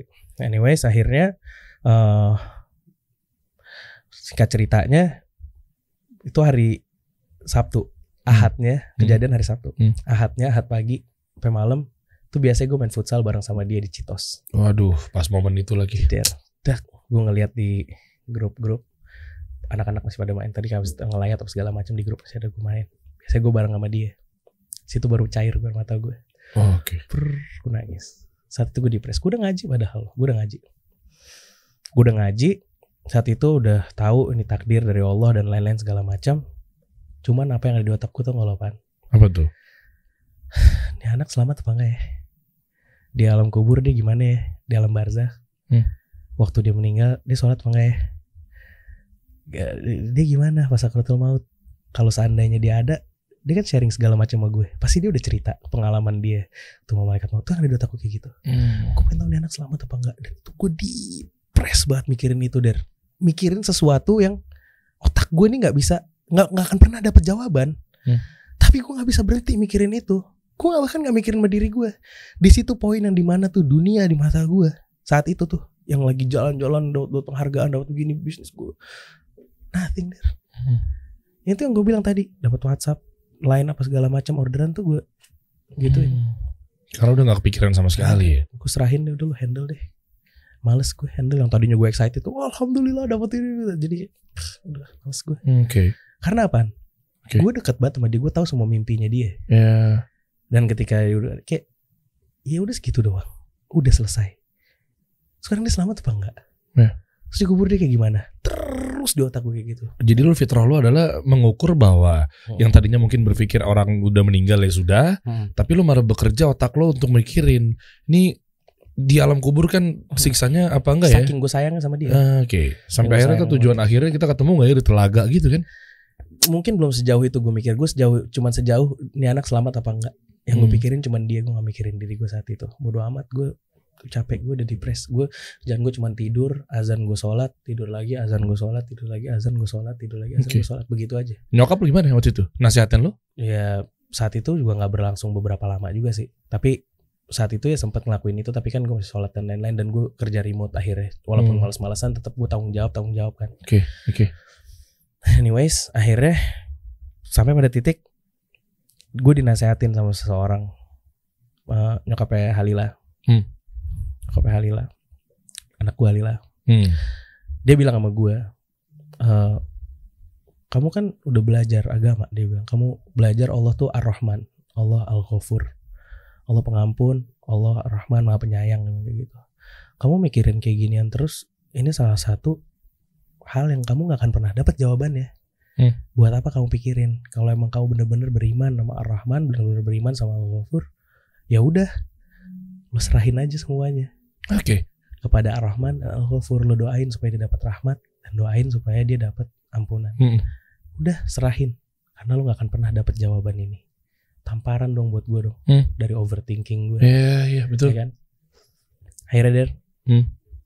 salah satu yang gue tahu saat itu tuh dulu salah satu doa ketika lu gunda gulana. Hmm. Ingat gak doa? Yang Allahumma ini abduk Oh, oke. wabnu abdik wabnu amatik nasihati biadik madin fiya hukmuk adlun fiya qada'uk as'aluka bi kulli ismin huwalak samaita bihi nafsak aw anzaltahu fi kitabik aw alam tahu adan khalqik aw istatharta bihi fi ilmi ghai- ghaibi indak.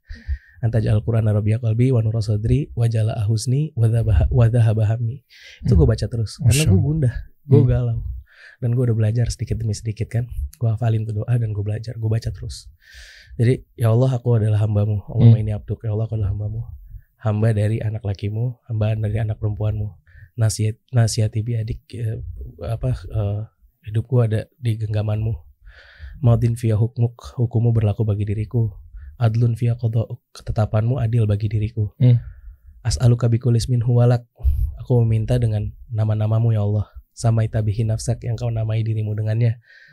Au anzal tahu fi kitabik atau yang kau turunkan di dalam di dalam kitabmu. Hmm. au alam tahu dan min khalqik atau yang kau ajarkan kepada hambamu salah satu hambamu au istatarta au istatarta bihi bihi fi ilmil ghaibi indak. Atau yang kau simpan di nama gaib yang masih gaib ada di sisimu. Hmm. dengan seluruh nama Allah lah nama-nama Allah yang baik semuanya. Berdoa gue minta. Di doa itu yang dari hadis sahih juga Hmm. yang diajarkan sama Rasulullah kalau lu gundah gulana lu baca. Anta ja'al Qur'ana rabbiya qalbi. Jadikanlah Al-Quran itu lembut dari Iya. hatiku. Wa sadri cahaya bagi dadaku. Wajala ahuzni penghilang dari pelipur dari kesedihanku dhahaba hammi dan penghilang dari kegelisahanku gue baca kayak gitu Hmm. dan akhirnya gue baca Quran kan Yes. dan ini adalah titik di mana gue akhirnya move on dan gue kembali lagi menjalankan hidup gue Apa poin yang bisa lo dapat ketika lu baca itu dan mentafsir itu? enggak justru bukan dari doa itu tapi Tapi? ketika gue baca Al-Quran Oke. gue baca satu surat yang lu insya Allah hafal Apa tuh? Fa'idha ja'atis sohoh Iya. ketika sangkakala ditiup yauma yafirul ar wa yauma yafirul mar'u min akhi seorang akan lari dari saudaranya, Saudaranya. gue lagi mikirin dia selamat apa enggak tapi gue gak mikirin gue diri gue selamat apa enggak Hmm. gue masih Wah. move on catatan dia udah tertutup dan catatan gue masih ada dan saat itu gue bilang gue harus bangun deh dari depresi gue ini Yes. gue harus bangun deh dari dari dari ke, keterpurukan gue ini karena Iya. dia nanti akan lari dari gue dan gue akan lari dari gue bahkan gue akan lari dari ibu gue dan dari bokap gue dan bahkan gue akan lari dari istri gue dan dari anak gue karena pada hari itu likul imriin eh, minhum yauma idzin sya'nu yughni semua masing-masing nggak ada peduli satu udah sama cukup lain. sama urusan mereka udah bener-bener sibuk Ah. urusan masing-masing Oh itu jelek banget sih. dan akhirnya di situlah ayat sama gue, gue ini ini salah satu yang gue share sih maksudnya Hmm. apa yang lu kejar sebenarnya udah ya udah mimpi yang semua yang gue tahu pada diri gue udah satu berhenti. Dan di situ tuh nyadar "Eh, buat apa sih kayak ginian Hmm. tapi akhirnya gue bangkit lagi. Gue masih punya hidup. Gue masih harus bermanfaat buat orang. Gue nggak bisa ngajar agama karena gue nggak punya capability-nya. Hmm. gue nggak bisa berdakwah kecuali kepada orang-orang yang menjadi tanggung jawab gue Hmm. berdasarkan apa yang gue punya dari ilmu gue tapi gue bisa apa? Gue bisa nyari duit. Gue punya usaha. Gue bisa bermanfaat buat orang banyak saat itu ya udah kenapa nggak gue isi catatan gue dengan itu ya walaupun ya kita nggak nggak sempurna maksud gue banyak masih flow masih banyak eh, ke, ke- keliruan kesalahan yang gue lakuin Dan semoga Allah ampunin dan semoga Allah berikan gue taufik Ya, untuk amin. bisa berjalan di track yang benar Iya. dan baik gitu kan Betul. tapi saat itu tamparan buat gue Iya, cukup sekali aja sebetulnya dengan kayak begitu. Oh ya udah. Hmm. Tapi nggak usah lu berlarut kan, karena memang lu tiap hari lu mikirin dia, mikirin dia, mikirin dia. Walaupun ah, Hmm. sebenarnya awalnya cukup. Hmm. Nah, kenapa? Karena memang nantinya ketika lu ke sana, kita udah ketemu tuh, udah Iya. bareng-bareng ketemu di sana. Ya belum tentu lu mikirin, Hmm. belum tentu dia mikirin lu. dan satu hadis juga sih yang gue baca saat itu di satu buku Hmm. dan oh pas gue ke kamarnya der pas Oke. gue ke kamarnya dia nih Oke. ini kisah nyata nih gue nemuin satu buku gue dari diambil sama dia der Bukunya siapa? buku Eh gue buku yang mana? gue punya buku Hah? bukunya diambil sama dia kan Iya. gue lagi ngarepin nih belajar agama kayak lu ikut Hmm. bareng sama gue gitu gitu segala macam Buku apa? tau gak judul bukunya apa Apa? Tamasya ke negeri akhirat Wah, Syekh.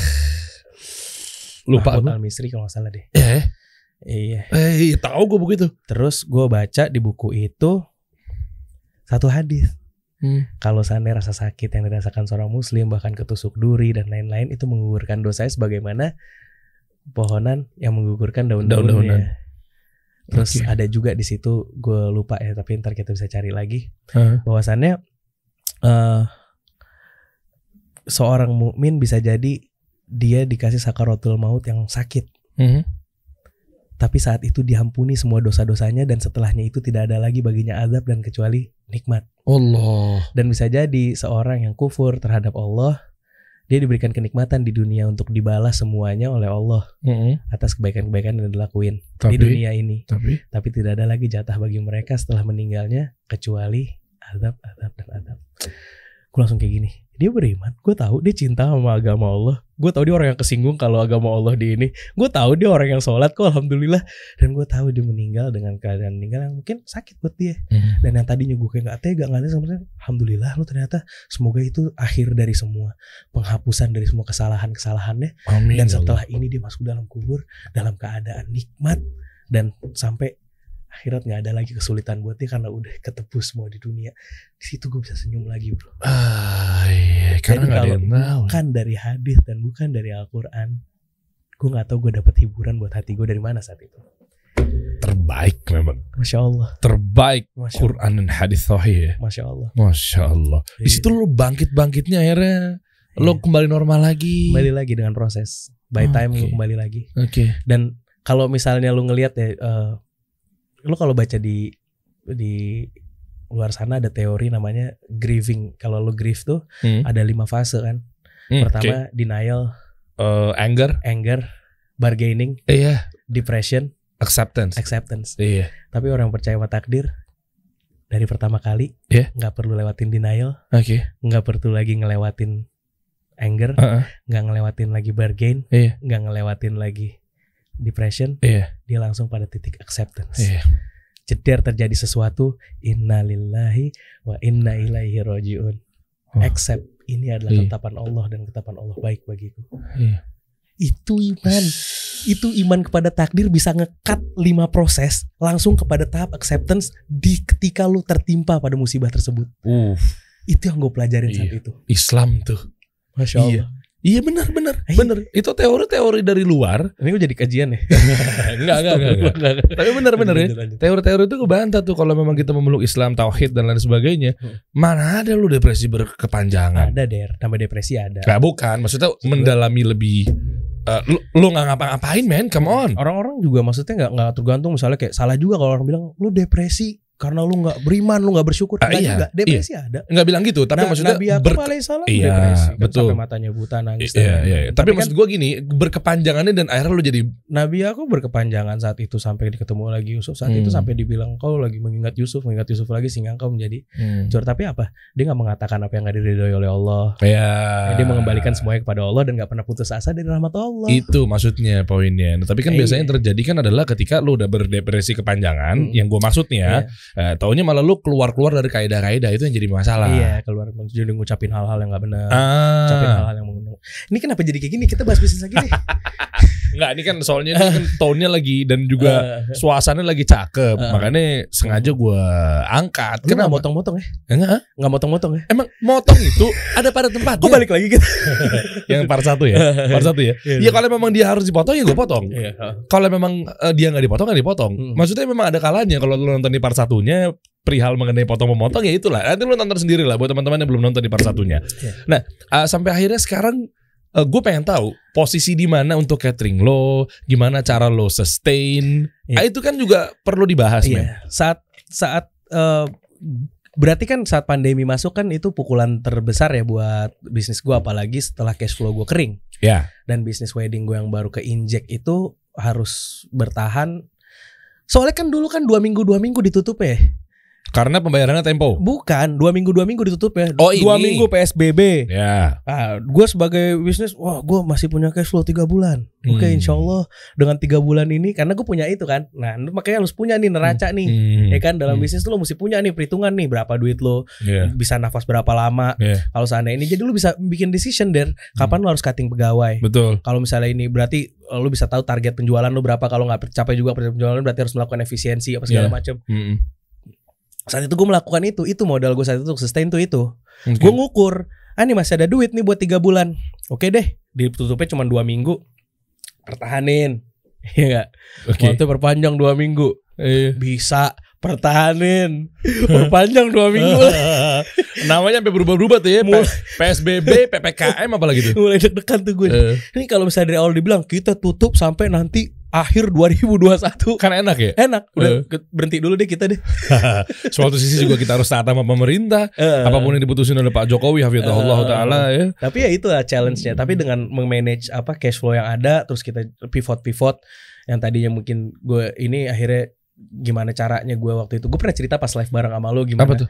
gimana saat itu gue udah uh, ngamanin stok buat bahan baku banyak gudang gue penuh Oke. Uh, yang kalau dinilai mungkin bisa ada duit ratusan juta di situ Oh liquidnya. liquid kalau nggak kalau di liquid ya tapi Oh. ini bentuknya barang Oke. jadi saat itu yang gue butuhkan adalah liquid ya udah gue kan waktu itu cari cara gimana caranya ya udah gue bikin donasi Hmm. bikin donasi ini gue jual harga modal di up dikit buat bayar kos pegawai pegawai bukan mau ambil untung Mm-mm. nah udah gue bikin donasi sehingga akhirnya gudang gue bisa kepake dan cair duitnya Ya, Dan ngamanin operasional lo kan. nah akhirnya gue bisa ngamain operasional gue dan napas gue bisa jadi lebih panjang Iya. ya kan karena gue nggak tahu nih kapan sih dibukanya nih Hmm. gue sampai ngikutin semua konspirasi konspirasi nih katanya ini Hmm. nanti habis pemilu Amerika wah gue ikutin Oh, ikutin Wah begini oh berarti kita bikin nih Wah gue denger berita lagi ternyata Enggak aduh salah lagi nih Lo sampai gimana konspirasinya Tapi- sampai dipasang chip di sini, Mm-mm. divaksin? Enggak ntar lu akhirnya nggak algoritmanya nggak jalan lu apa.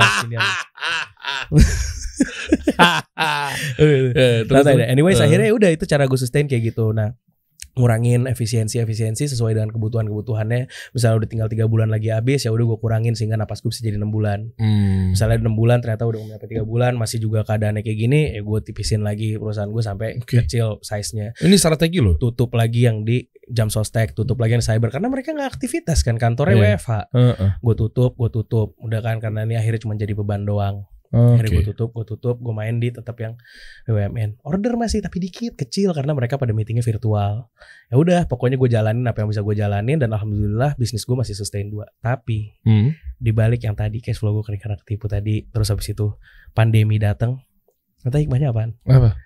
gue dapet dua income, stream income baru bro Satu. partneran sama Syarif eh, oh ini eh, interior. interior design sama eh, konstruksi Ya. ya kan. So- saudara gue nih sepupu gue nih eh, bisnisnya interior design dan konstruksi Mm-mm. dan gue punya banyak relasi-relasi yang saat itu mungkin bisa gue kenalin sama dia dan akhirnya ngebangun rumah dan lain-lain ya udah Hmm. gue bikin agreement sama dia yuk gue jadi dis- gue distribusiin jasa lo ya gue bilang kayak gitu Hmm.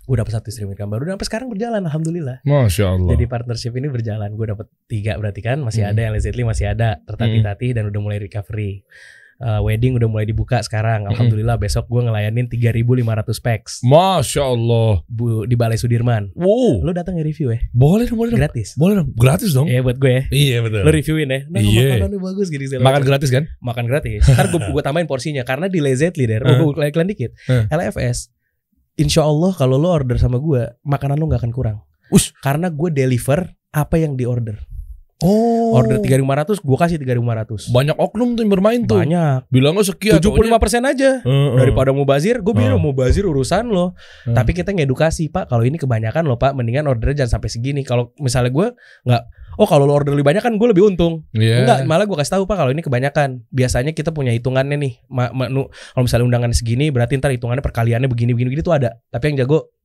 tim gue, bukan gue. Oke. Oke. Iya porsinya masing-masing. Porsi masing-masing. Eh. Dia tahu tuh cara ngitungnya tuh. Nah kita edukasi.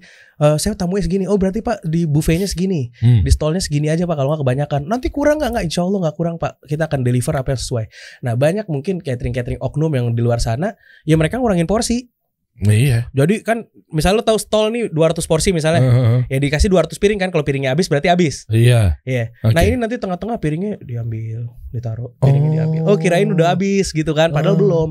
Makanya baru pesta dibuka mulai baru ini, tiba-tiba makanan udah raib. Iya. Yang datang jam 8 ke atas tiba-tiba ya nggak makan. Jadi apa ujung-ujungnya? Jadi omongan tamu. Omongan tamu, gue insya Allah nggak sesuai. Makanya Oke. nanti kalau lo datang, Eh. gue bilang tambahin satu porsi buat Deriansyah. Ya, dua Jangan dong. sampai dua porsi buat Nah, Deriansyah buat bungkus. buat bungkus. Eh, tiga ada eh bini gue belum. Tiga sama bininya Derry gue tambahin misalnya gue bilang kayak gitu. Kenapa? Oh. Karena jangan sampai makan yang punya tamu. Wah, Lezatli.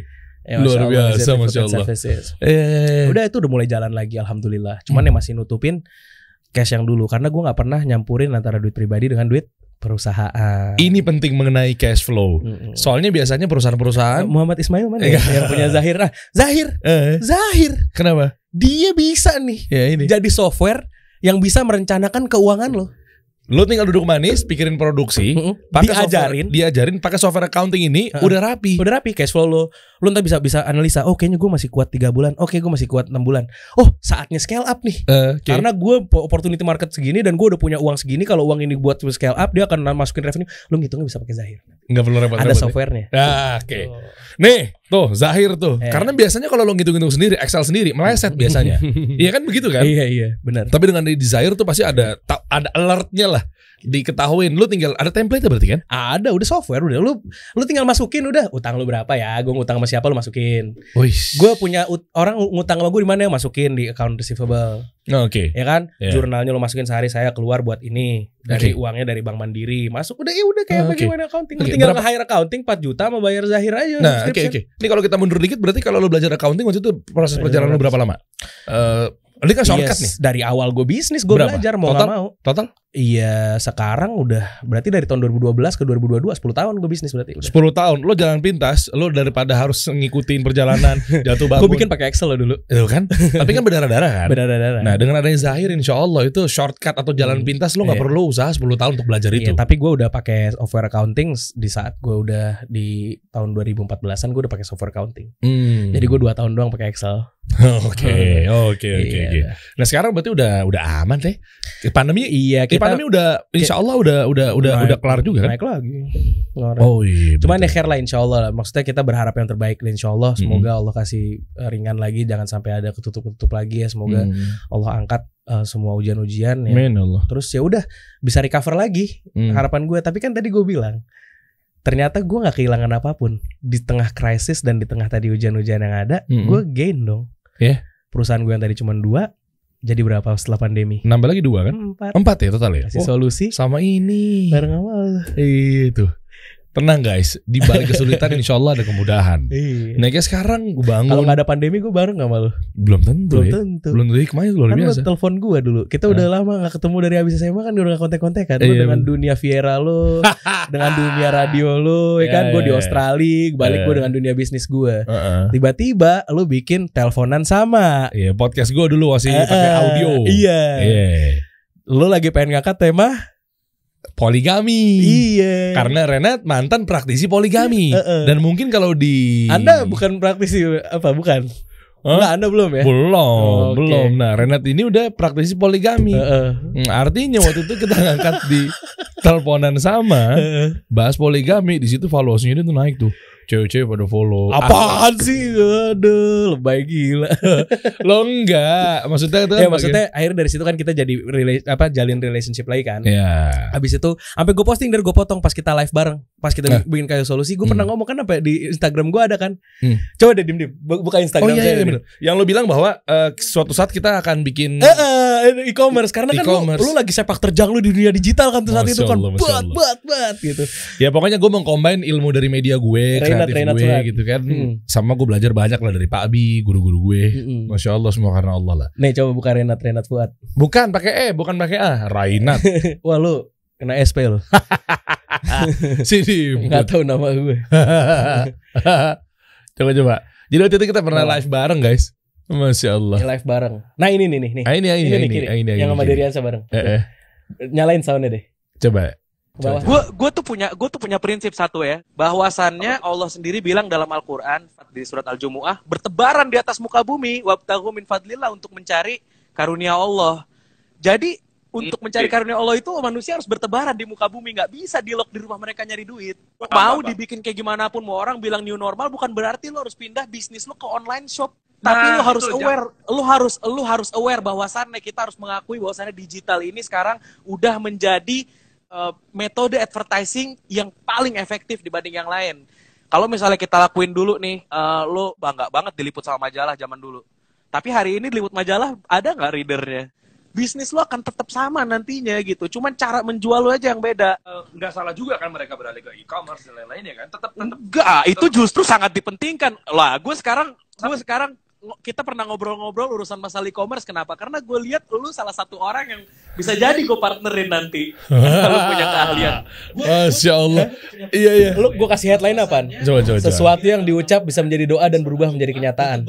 Oke. Tahun lalu gue sama sahabat gue dari Ansha live bareng tepatnya di bulan Mei 2020 di awal-awal pandemi saat semua pelaku usaha putar otak untuk kelangsungan kehidupan dan perusahaannya.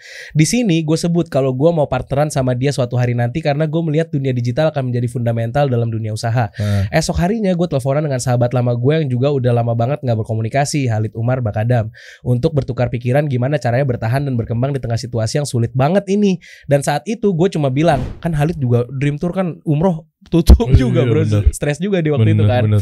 Saat ini gue belum kepikiran apa pun Lid Gue bilang dan insya Allah suatu hari kalau gue ada ide kita ngobrol Dan ternyata Allah wujudkan pada bulan Juli 2021 Setahun kemudian gue partneran sama Deriansyah dan Halid Umar Bakadam Hmm. Di satu perusahaan yang soon akan launching di mana perusahaan ini adalah solusi bagi keresahan banyak pelaku usaha Karena kita bertiga punya keyakinan bahwa usaha yang akan sukses dan berkah adalah usaha yang menyelesaikan masalah banyak orang Hmm, Atas Allah. izin Allah Ta'ala Uh merinding gue bacanya net. Ini belum ada apa-apanya kasih solusi ya. Eh, Belum ya elah Iya. Kita masih ke Matraman Der Iya.